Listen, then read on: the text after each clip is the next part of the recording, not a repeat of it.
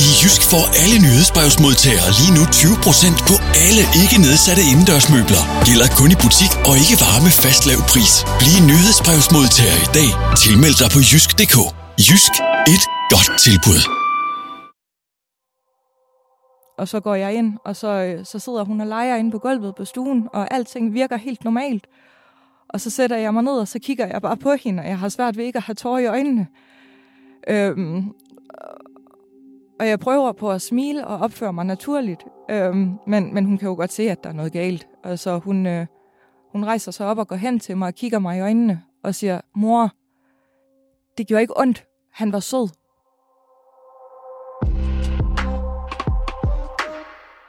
Du lytter til Panser, en ugenlig podcast på Podimo, hvor vi taler om kriminalsager. Jeg hedder Peter Grå, og jeg er kriminaljournalist. Og jeg hedder René Dahl Andersen. Jeg er tidligere narkotikabetjent og har været undercover agent ude i verden for PT. Den 20. april i år udgav vi en episode af Panser om enhver forældres mareridt, sagen med den 13-årige pige, som var på vej hjem fra sin avisrute omkring landsbyen Kirkerup, sydøst for Slagelse, da hun blev bortført af den mand, som nu også er sigtet for drabet på Emilie Ming. Ja, og heldigvis blev den 13-årige pige fundet i live i mandens hjem i Korsør. Men sagen fik jo også til at tale her i Panser om andre tilfælde, hvor børn er blevet bortført og eventuelt seksuelt misbrugt, men er sluppet fra det i live. En af de sager, vi omtalte, handlede om en fireårig pige, som i 2017 blev bortført fra en daginstitution i Aarhus Vest. En 33-årig mand løftede pigen over hegnet fra børnehaven og tog hende med til en adresse, hvor hun blev udsat for seksuelle overgreb. Ja, og det er jo en af grundene til, at Panser er et stærkt program. Det er sådan, at I lyttere er aktive med os, og her hører vi fra en af vores lyttere, som siger, at øh, det var hende, der var pigens mor, og derfor sidder vi her i dag med dig, og du kan fortælle, hvordan det er at være i en hver forældres mareridt. Vi skal advare om, at der kommer til at være visse detaljer om seksuelt misbrug af børn i det her afsnit. Tusind tak for, at du vil være med i Panser i dag, Anja. Jamen, øh, jeg siger tak for, at jeg må komme. Øh, det er jo første gang, jeg fortæller den her, altså fortæller om det her, der er sket for mig øh, og min datter øh, offentligt. Og øh, jeg er kun glad for, at, at det kan være i trygge omgivelser, eller hvad man kan sige, på noget, jeg selv lytter med på. Hvorfor sidder du her i dag og har lyst til at fortælle din historie? Fordi det er den bedste måde for mig at tage kontrol over min eget situation og tage, stå til ansvar for mit eget liv og omfavne og stå ved, at det her det er sket for os. Fulgte du selv med i sagen omkring øh, den 13-årige piges forsvinden i april måned? Ja, det gjorde jeg. Vi kan alle sammen sætte os i hendes forældres sted, men du forstår nok deres situation bedre end de fleste. Hvordan bearbejder man sådan en oplevelse i tiden efter? Det er der ikke noget nemt svar på. Øhm, det er øh, en forfærdelig situation at stå i, og de følelser, man går igennem, er, øh, altså, er, er chok og kaos og angst og bekymring, og hvad med fremtiden? Øh, får mit barn en normal seksuel udvikling? Øh, får hun overhovedet lyst til at, at lave et eller andet igen? Får jeg børnebørn? Det mener min datter jo lige pt. ikke, jeg gør. Øh, så det, det er jo noget, man slutter fred med på et eller andet plan, at det er sket. Men det, det er en livslang ting. Det er noget, man går med for livet. Din datter er 10 år i dag, og af hensyn til hende bruger vi kun dit fornavn, og vi nævner ikke din datters navn i podcasten. Det er seks år siden, det her skete for jer. Hvor tit tænker du på det? Hver dag. Altså, det er sådan en tanke, der popper op i mit hoved hver dag, at, at det her skete, og så lukker jeg den hurtigt ned igen. Altså, det er ikke, det er ikke noget, der fylder rigtig meget for mig. Det, øh, det er mere sådan en, ja, det er sket, og hvad så? Altså, vi har det godt alligevel. Og når du siger det, og Peter stiller det spørgsmål, så har jeg lyst til at spørge efter, når du afleverer din nu 10-årige datter, enten i en institution eller et andet sted, tænker du så på, at det er sådan, at det kan være, at hun bliver taget igen? Nej, det, det gør jeg ikke. Det er stærkt. Øh, altså, øh, nu, nu er min datter øh, rykket over i en specialklasse, og i den forbindelse, der er der en taxaordning. Øh, og lige da hun skulle tage taxaen, det første stykke tid, altså, der, altså første gang hun skulle med taxaen, der ringede jeg til skolen og sagde, kan det ikke godt være en kvinde? øh, hvor de sagde, jo, første gang skal vi nok tage hensyn, men ellers så kan vi ikke øh, tage hensyn til det. Men i dag, altså hun, hun står jo op, og jeg sender hende ud, at, ud af døren, og jeg siger god dag, og jeg tænker ikke over det. Fordi at det, nu har hun kørt med den her taxa i et år. Og det, øh, det, det er super fint, og jeg synes, det er dejligt, at, at hun kan køre med en taxa i skole, og jeg ikke skal køre hende hver dag. Det kan jeg godt forstå, og nu sidder vi her og skal tale om uh, hele historien her. Så vi sidder her i dag på min datters tre års fødselsdag, som jeg lige har afleveret ned i børnehaven og pakker pakker op sammen med. Og bare da jeg talte med Peter om, vi skulle tale om den her, ikke, så ramte det mig. Og nu sidder du her og fortæller din historie. Jeg tror, alle, der er forældre, de kan sætte sig ind i, at det må være en hver forældres mareridt. Men lad os uh, høre, hvad der skete, Peter.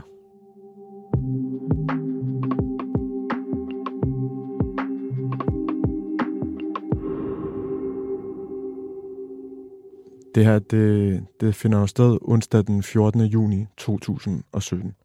Fortæl os, hvad det var for en dag, det her. Det var en dag ligesom alle andre.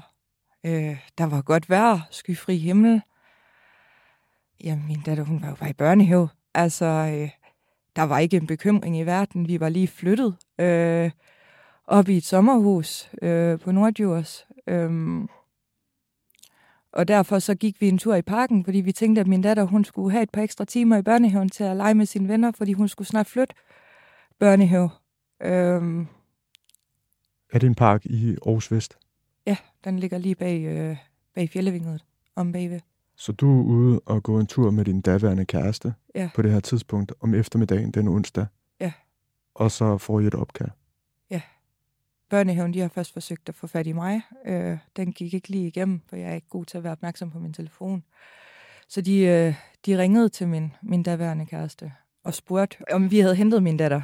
Øhm, og det, altså han blev sådan, nej, det har vi ikke. Øhm, sådan, jamen, vi kan ikke finde hende. Og vi står sådan, øh, hvad, mener I? Altså, det, det, det kan jo ikke være rigtigt, det her. Altså, øh, hun er hos jer. Jamen, vi har, vi har gennemsøgt det hele. Og vi har en dreng, der står og siger, at øh, han har set en mand løfte hende over hegnet, men vi ved ikke, om det passer. Men vi tænkte bare, at det måske kunne være dig, altså min, min daværende kæreste, der havde taget hende med. Sådan, jamen, det vil, det vil vi jo aldrig gøre. Altså, på den måde hente hende. Vi går jo ind i komme systemet ligesom alle andre forældre, og, og tjekker ind og tjekker ud. Hvor højt er det her hegn, vi taler om? Det er lige omkring en meter og 10, en meter og 20. Hvad, hvad gør I så? Jamen, vi skynder os jo tilbage til vores bil. Øhm, og vi tænker, jamen, hvis hun, er, hvis hun er gået fra børnehaven selv, jamen, så er hun nok gået tilbage til vores gamle lejlighed. Det kan være, hun savner den et eller andet. Vi er jo lige flyttet. Øhm, så min daværende kæreste kører mig tilbage til vores gamle lejlighed, hvor jeg så går af stien op imod børnehaven, som vi plejer at gå på, øh, når hun skal til og fra børnehave. Den vej kender hun jo. Møder du nogen? Øh, ja, min daværende kæreste havde ringet til sin bror, der også boede i området, øh, og så mødte han mig på stien. Øh, og imens vi så går halvløber, øh, så møder vi en øh, pædagogmedhjælper, der fortæller, at øh, jamen, der er ro på, hun er tilbage i børnehaven, og øh, det var bare nogle piger, der havde løftet hende over hegnet og taget hende med på legepladsen. Det var sådan, hun havde forstået det. Da I er ude og lede på det der stisystem, prøv at fortælle os, hvad du har i dig af tanker og, og efter det, du har hørt. Jamen, det, det havde jo nærmest ikke ramt mig endnu. Altså, jeg var jo... Altså, jeg, jeg tænkte jo, det er jo min datter. Altså, hun er jo... Øh, hun er, som hun er. Altså, øh, vi har senere fundet ud af, at hun har ADHD, så hun er lidt opmærksomhedsforstyrret. Hun kan jo gøre fast som helst. Altså, hun er, hun er, hun er typen, man altid skal være opmærksom på, hvor er hende af. Fordi ellers så bliver hun væk. Altså, det, det, det har jeg altid vidst. Så, så jeg havde egentlig ikke, ikke tænkt så meget over det. Jeg havde bare tænkt, hun skal findes inden hun kommer galt afsted. Altså, øh, Så på det tidspunkt havde du ikke tanken om, at nogen havde bortført hende? nej, og da jeg mødte den her pædagogmedhjælper, der fik jeg helt ro på, og så tænkte jeg, ja, så går vi stille og roligt tilbage til børnehaven. Øhm, og så kommer jeg jo så tilbage, og jeg kommer ind, og jeg bliver hævet ind på et kontor, hvor øh, min datters primære pædagog, som også var, var den, der, der havde ansvaret for legepladsen, øh, og den eneste, der havde ansvar på legepladsen det, øh, på det tidspunkt, fordi der var et vagtskifte. Hun sidder inde i et rum, og hun er jo helt i chok. Fuldstændigt. Altså, hun kan nærmest ikke sige noget. Øhm, og min daværende kæreste, han kommer ind, og han siger, jamen, Anja, du skal lige sætte dig ned.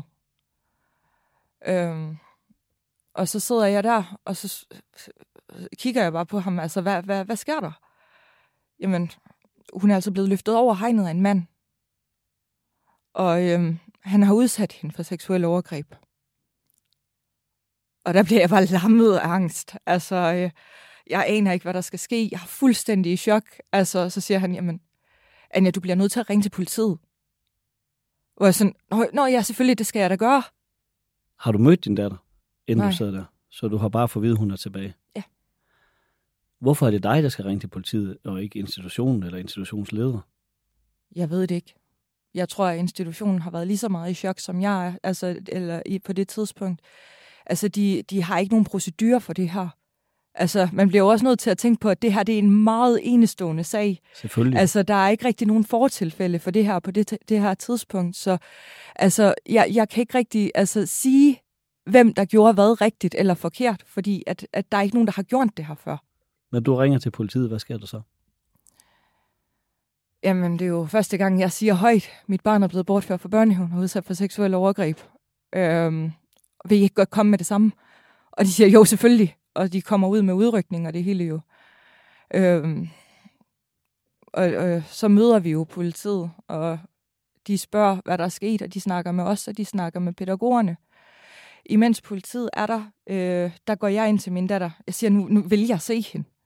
Øhm, og så går jeg ind, og så, øh, så sidder hun og leger inde på gulvet på stuen, og alting virker helt normalt. Og så sætter jeg mig ned, og så kigger jeg bare på hende, og jeg har svært ved ikke at have tårer i øjnene.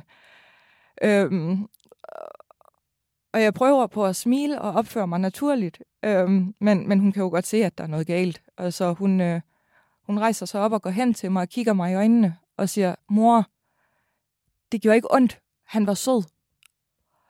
Øh, hvor, hvor jeg bare, okay, min skat, det skal nok gå. Altså, det er okay. Øh, men det er jo, ja, hvad siger man, når ens datter siger sådan? Det er svært at finde ud af, synes jeg. Øh, Græd hun? nej, hun smilede. For fortæller hun der noget om, hvad hun har oplevet? Nej, for det havde vi ikke tid til. Og jeg, jeg synes heller ikke, det var situationen med alle hendes venner og de andre børn rundt om hende. Det var bare øh, et kram, og mig, der holdt hende tæt, og så tog jeg hende i hånden, og så gik vi ud og snakkede med politibetjentene. Øh, fordi at min datter, hun er, hun er en pige med rigtig meget gå på mod, og en stor taletræng. Så hun, altså, da jeg sagde, at politiet var kommet, så blev hun jo meget nysgerrig. Øh, og selvfølgelig må hun gerne møde politiet. Politiet er vores venner, det har vi altid sagt. Hvor meget politi var fremme Der var to betjente på det her tidspunkt. i uniform eller civil? I uniform. Øhm, ja. Er det rigtigt forstået, du nævner et seksuelt overgreb allerede, da du ringer Ja. op? Hvad, hvad har hun sagt? Hun er jo kun fire år. Overordnet, så er det, hun har sagt, at der var en mand, der løftede hende over hegnet. Og at øh, han tog hende med hjem. Øh, han løftede hende det første stykke af vejen øh, hjem til sit hus, hvor de gik ind af en havelåge. Øhm, og derhjemme, der har hun fået en, øh, en kiks, og hun har mødt nogle hunde. Øh, så tog han hendes øh, strømpebukser af, og øh, kyssede hende i tissekonen. Rørte hende i tissekonen med sin tissemand. Og øh, onanerede foran hende, indtil han kom. Hvorefter han hun gik på toilettet, og så kørte han hende tilbage til en parkeringsplads i nærheden af børnehaven, hvor han satte hende af, og hun selv skulle finde tilbage. Og der blev hun bange og satte sig ned og klynkede lidt. Så kom der en anden mand, som fulgte hende tilbage til hoveddøren til børnehaven og gik igen. Og den anden mand har vi aldrig fundet. Vi ved ikke, hvem det er. Men han skal vide, at jeg er ekstremt taknemmelig for, at han hjalp hende. Har du fået det her at vide allerede her? Eller er det her, er det de ting, din datter forklarer dig senere i virkeligheden også? Jeg fik det her at vide fra pædagogen fire dage efter, eller sådan noget, da hun havde skrevet det ned og bearbejdet sine egne minder og kunne, kunne være i en samtale omkring det. Hvor mange gange har du fortalt det? Nu sidder du og påvirker her i studiet selvfølgelig over at skal fortælle jer. Hvor mange gange har du fortalt, hvad han, den her mand har gjort ved din datter før? Det har jeg ikke fortalt særlig mange gange. Der er ikke ret mange, der kan rumme og høre det. Lige så snart, at øh, altså, der er nogle meget få, når jeg siger, at mit, min, mit barn har været bortført fra børnehaven og udsat for seksuelle overgreb. Der er meget få, der spørger, hvad skete der? Ja, altså jeg vil godt indrømme, at jeg lukker øjnene, da du ser i detaljer, hvad det var. Det er derfor, jeg får lyst til at stille spørgsmål. Jamen, jeg lukker jo selv øjnene. Jeg har jo selv svært ved at være i det. Altså, lige præcis det er også noget, som mig og min datter ikke kan snakke om i dag. Det er noget, hun ikke vil åbne for. Altså detaljerne i, hvad der skete? Det, detaljerne, ja. Øhm, og hun har aldrig fortalt detaljerne til mig. Det har hun kun gjort den ene gang til sin, øh, sin primære pædagog. Og så har hun fortalt det til politibetjenten i videoafhøringen. Det kommer vi til, videoafhøringen. Så politiet er kommet ud til børnehaven. Ja. Og hvad sker der så derfra? Jamen, der er min datter jo nysgerrig, og hun vil rigtig gerne hjælpe dem med at finde ham. Øhm, hun, hun fortæller lidt, øh, min daværende kæreste, at hun var gået en vej, men lige pludselig så står jeg med hende i hånden, og min øh, daværende kæreste og politibetjenten er gået en anden vej. Så siger min datter, vi gik den vej. Jeg er sikker, vi gik den vej. Øh, og så, så fanger jeg hende bare der, fordi jeg har ikke tid til at gå tilbage. Jeg bliver nødt til at tage hende i det øjeblik, og så går vi bare. Okay, vis mig det, skat. Hvor, hvor gik I hen? Øhm, og så fulgte vi en sti, der gik ned øh, forbi en legeplads, hvor vi så drejede til venstre rundt og ind i en af de gårde, der er i Trillegården i Aarhus V. Øh, hvor hun peger på en havelov og siger, at det var den lov, vi gik ind i. Og der er jeg jo mega bange. Så, øh, så er min datter jo tryg, som hun er. Hun går over til en rutsjebane og siger, at hun vil have en tur, og jeg ved, at hun begynder at skrive, hvis hun ikke får lov. Men jeg vil bare gerne væk. Øh, så øh, jeg er sådan, okay, okay, så tag en tur. En tur. Kun en. Men så går vi også. Øhm, og den er hun så heldigvis med på. Hun får lov til at tage en tur, og så skynder vi os ellers væk. Og allerede på det her tidspunkt, der er min datter jo for stor til, at jeg kan bære hende. Så øh, jeg bliver nødt til at få hende med frivilligt. Så vi går væk så hurtigt vi kan, i det tempo, hun nu kan gå i, og hun har aldrig været hurtig. Øh, så øh, det, ja, vi kommer tilbage, og så, øh, så er jeg jo rystende bange for, at jeg har været så tæt på, at han kunne opdage, at vi var der. Prøv lige at beskrive det hus og den der havelåg, du ser der i står der. Øh, og jamen, området. Jamen, Trillegården er jo et sted, hvor der er øh, mange røde rækkehuse, der ligger i sådan nogle firkanter, hvor der er en gård i midten af alle sammen. Den her havelåg lå helt over i hjørnet af denne her gård, og det er en grå havelåg. Det var så ikke det rigtige hus, og det var ikke den rigtige havelåg, men det er så noget helt andet. Politiet de var jo rigtig, rigtig glade for, at min datter havde vist mig det her. Sådan, at, at de havde en idé om, hvordan det så ud, øh, der hvor hun var. Så området var det rigtige? Området var det rigtige, og, og huset lignede det hus, hun havde været i.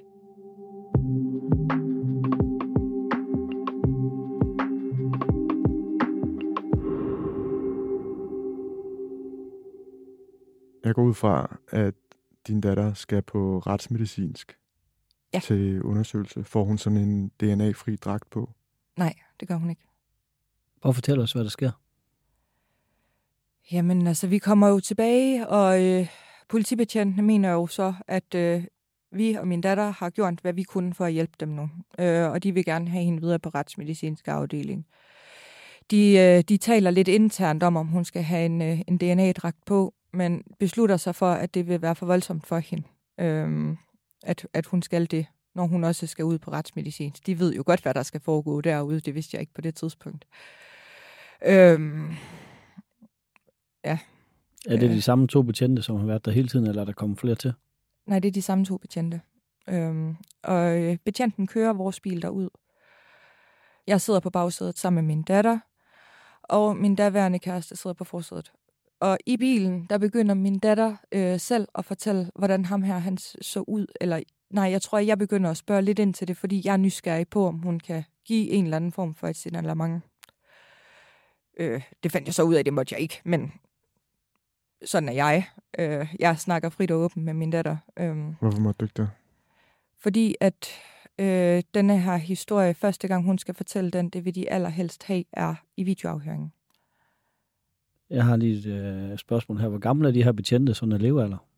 Og er det en mand og en kvinde? Øh, det er to mænd, og de er et sted imellem 25 og 40 år gamle. Jeg kan ikke 100% huske, hvordan de så ud. Okay, grunden til at spørge, det er fordi, at øh, når jeg hører, at de er så professionelle, at et, de tager hensyn til din datter med hensyn til det DNA-dragt, det er stor empati. Man tænker ud over det professionelle. Så er man så dygtig, at man sætter hende i jeres bil, og ikke i en patruljebil. Mm. Og det gør man, fordi i den patruljebil ved man ikke, hvem der har været i den i løbet af, efter den blev drænet. Der kan være DNA for mange mennesker. I din bil kan der kun være DNA for dem, der er tæt på dig, og ikke for en mulig gerningsmand. Så det er virkelig, virkelig godt tænkt af de her betjente, både menneskeligt, men også fagligt. Så hvis I lytter med, godt gået. Mm. Hvad, det lyder som om, hun gik i gang med at fortælle dig noget i bilen. Ja. Så hvad, hvad fortæller hun dig i bilen? Jamen, jeg spørger sådan lidt ind. Skat, kan du huske, hvordan han ser ud? Øhm, sådan, ja, det kan jeg godt, siger hun. Okay. Var han høj, ligesom din far? Eller var han lav, ligesom min daværende kæreste? Han var ligesom min daværende kæreste. Okay. Øh, så spørger politibetjenten sig selv, var han skaldet ligesom mig, eller havde han hår? Jamen, han var faktisk ligesom dig, siger hun så. Okay. Var han brun i huden, eller var han hvid? Jamen, han var sådan lidt brun i huden. Okay, og så, så stopper politibetjenten så der, og så siger han, nu skal vi ikke snakke mere øh, om det. Øh, fordi at, altså, så forklarer han jo, at han ikke er, er videoafhør. Han er ikke, ikke uddannet til at snakke med børn og sådan noget, og det, det kom han ligesom i tanke om, men han var nok også nysgerrig. Så kommer I frem til retsmedicinsk. Og øh, jamen, der kommer vi ind ude på Skyby, og der er et, øh, et rum med noget legetøj, og der, øh, der får min datter lov til lige at sidde og falde til ro ved at, lege med noget af det, og, og lige synes, det er spændende. Og vi skal, jeg skal udfylde en, øh, en samtykkeerklæring til, at øh, de må udveksle oplysninger med kommunen og børnehus Midt og alt det her efterforskningsmæssige, der nu skal i gang. På det her tidspunkt ved du stadigvæk ikke noget om, hvad hun har været udsat for. Hvordan, Nej, hvordan, Ikke, ikke, ikke, ikke konkret, nej, ikke i detaljer, nej. Husker du, hvordan du havde det? Ja, jeg kan huske, jeg, jeg rystede, og jeg havde kvalme. Øh, jeg, jeg kan huske, at jeg havde rigtig, rigtig svært ved at sætte min underskrift på det her dokument, og, og det endte med at blive sådan nogle meget krogede bogstaver, jeg skrev mit eget navn med. Øh, hvor øh, politibetjenten, han så gik hen til mig og sagde, jamen, du har ret til en psykolog, øh, og det sætter vi i gang med det samme, og du skal komme øh, til den her psykolog, fordi vi kan se på dig, at det har du i hvert fald brug for. Hvad er, det, Øhm. hvad er det, du frygter? Jamen, jeg er bare bange. Altså, det, øh, det er jo chok. Altså, det, det er ikke fordi, jeg frygter noget konkret, fordi jeg, jeg ved ikke, hvad jeg selv tænker og føler på det her tidspunkt endnu. Jeg ved bare, at jeg skal gøre, hvad der bliver sagt, og vi skal gøre det godt, og vi skal gøre vores bedste for at hjælpe politiet med at finde ham her, fordi han skal ikke gå ud. Øh, og det er det, det, jeg har fokus på. Det er at udføre min opgave i det her. Og jeg, altså, at være mor for min datter og sørge for, at hun kommer trygt igennem det her uanset hvor bange jeg er, uanset hvilke følelser der er, men der var ikke plads til mine følelser på det her tidspunkt. På nogen måde. Altså, jeg gav ikke mig selv lov til at føle rigtigt. Jeg, jeg kunne bare mærke, at min krop reagerede. Hvad sker der så? Jamen, så skal vi jo ind i et rum sammen med, og jeg tror, det var en læge og en sygeplejerske. Og så skal min datter jo have alt tøjet af, og hun skal podes øhm, i ansigtet og i munden og i ørerne og på kinderne og på halsen og på brystvorterne og rundt om brystvorterne. Altså overalt på kroppen øh, bliver hun podet til at starte med. Øhm, udvendigt. Hvorfor gør man det, René? Jamen det gør, man leder efter DNA-spor, og man leder efter spor, som gerningsmanden kan have afsat, og det er altså en læge, der gør det her. Og så er man i gang med sikre beviser, som holder i retten, og, og det skal gøres så hurtigt som muligt, og vi har talt om den her type sager tidligere i det her program. Og det kan godt virke som et overgreb, øh, et på moren, men øh, måske også på din datter, men det er altså mennesker, som heldigvis er vant til at tage sig af det her.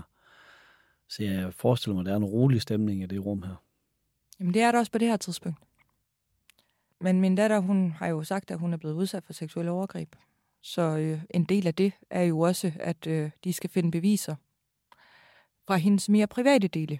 Øhm, så hun kommer op på en øh, ganske almindelig gynekologbænk, hvor hun skal ligge, ligesom enhver kvinde gør, til en gynækologisk undersøgelse.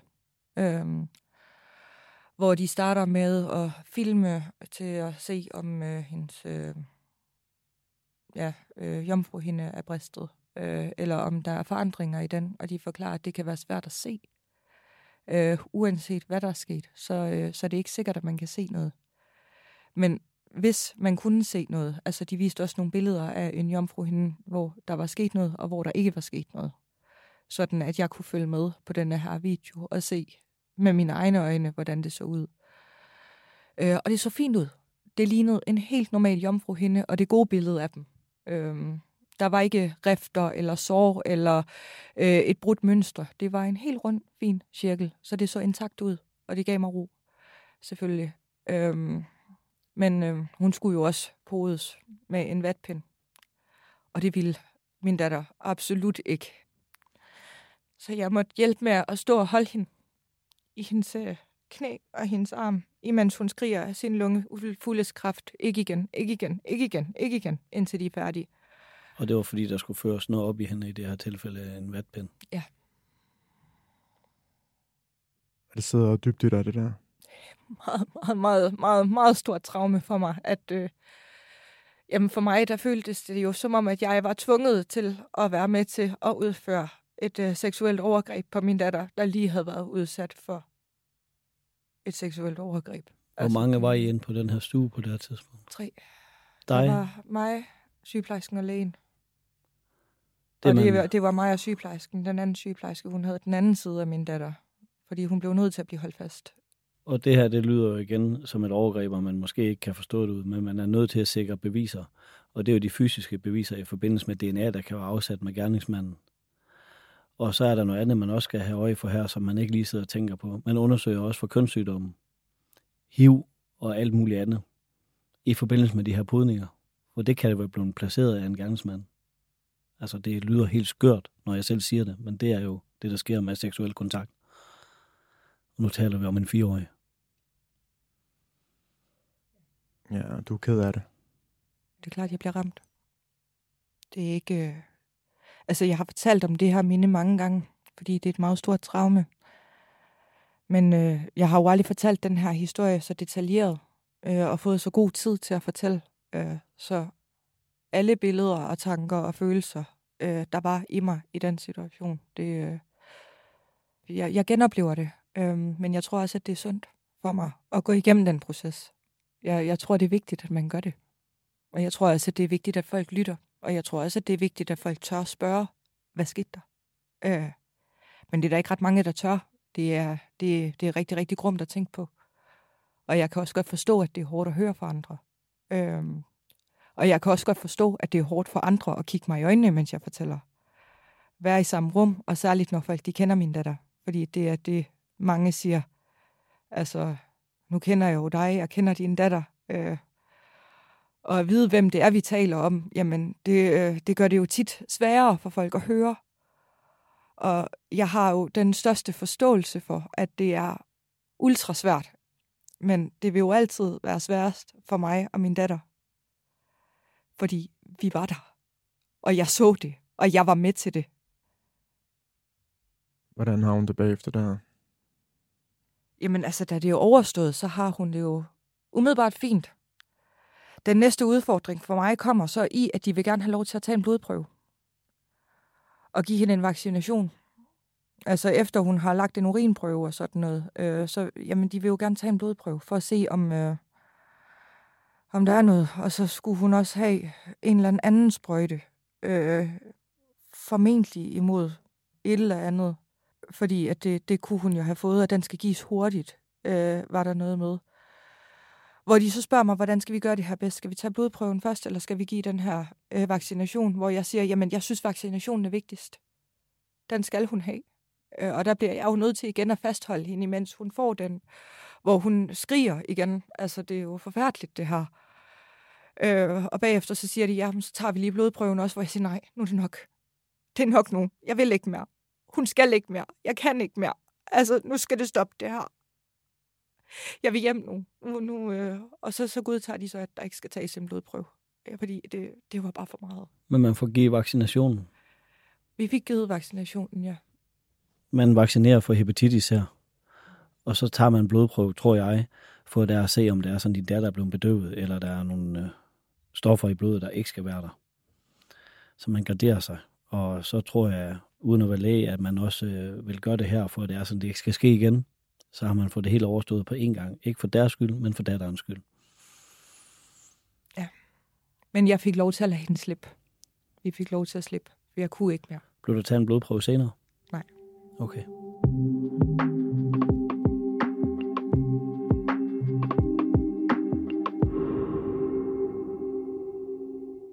Imens min datter hun er ved at blive podet, der kommer politibetjenten ind og viser hende en iPad, hvor der var billeder af, af nogle hunde på.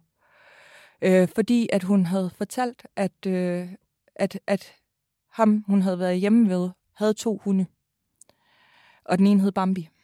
Øhm, så han kommer ind, og de har været rundt og taget billeder af en masse hunde rundt i området. Alle, der havde to hunde i det her område over i Trillegården, havde fået taget et billede af de her to hunde de havde. Og han bladrer igennem de her billeder, og min datter, hun siger, nej, det er ikke den hund. Og nej, det er heller ikke dem. Og nej, det er heller ikke dem. Og det er heller ikke dem. Og lige pludselig så bliver der vist et billede af sådan to øh, røde på Marion, hvor hun siger, ja, det er dem. Og den der, den hedder Bambi. Og så kunne de jo køre direkte ud og hente ham derefter. Hvor lang tid er der gået her, fra at det er sådan, I har siddet nede i børnehaven, til det her, det sker? Et par timer. Når, man, når jeg hører dig fortælle det der, og nu skal det ikke lyde som sådan en stor øh, hurrasang for dansk politi, men det er det altså i det her tilfælde. Der går under to timer, og så er man iværksat det her, og tænkt godt, og så har man en gerningsmand. Eller i hvert fald hundene til en gerningsmand. Jamen, jeg er helt enig. Altså, øh, de politibetjente, vi mødte, de var så professionelle, de var så dygtige, de var så konkrete, de var så, så, så gode til både mig og min datter, at jamen, jeg har ingen kritik. Jeg er kun taknemmelig. Altså, det, øh, det tænker jeg, der er en masse politifolk eller familier derude, der er glade for at høre. Men hvad tænker du, dengang du hører din datter sige, den der hedder Bambi? Tænker du noget? Jeg tænker, godt gået, min skat. Du er for sej. Det er vildt, det her. Altså, det... Jeg tænker, han er fanget. Så politiet, de anholder en 33-årig mand, som bliver sigtet for overgreb mod din datter, ved han, efter at han havde fjernet hende fra børnehuset Snobæksvej og derefter taget hende med til en nærliggende adresse, hvor hun blev udsat for seksuel overgreb. I næste afsnit kan du høre, hvad der skete under retssagen mod manden. Du kan høre, hvad han blev dømt for og hans forklaring. Og du kan høre, hvordan Anja har det med, at manden kan komme ud i det fri når som helst.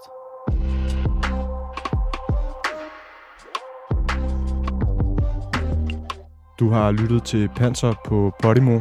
Hvis du har en idé eller et tip til en historie, vi bør tale om i Panser, kan du kontakte os på vores personlige profiler på Instagram eller på Facebook. Mit navn er Peter Grå, min medvært er René Dahl Andersen, og vi er tilbage med mere Panser næste torsdag.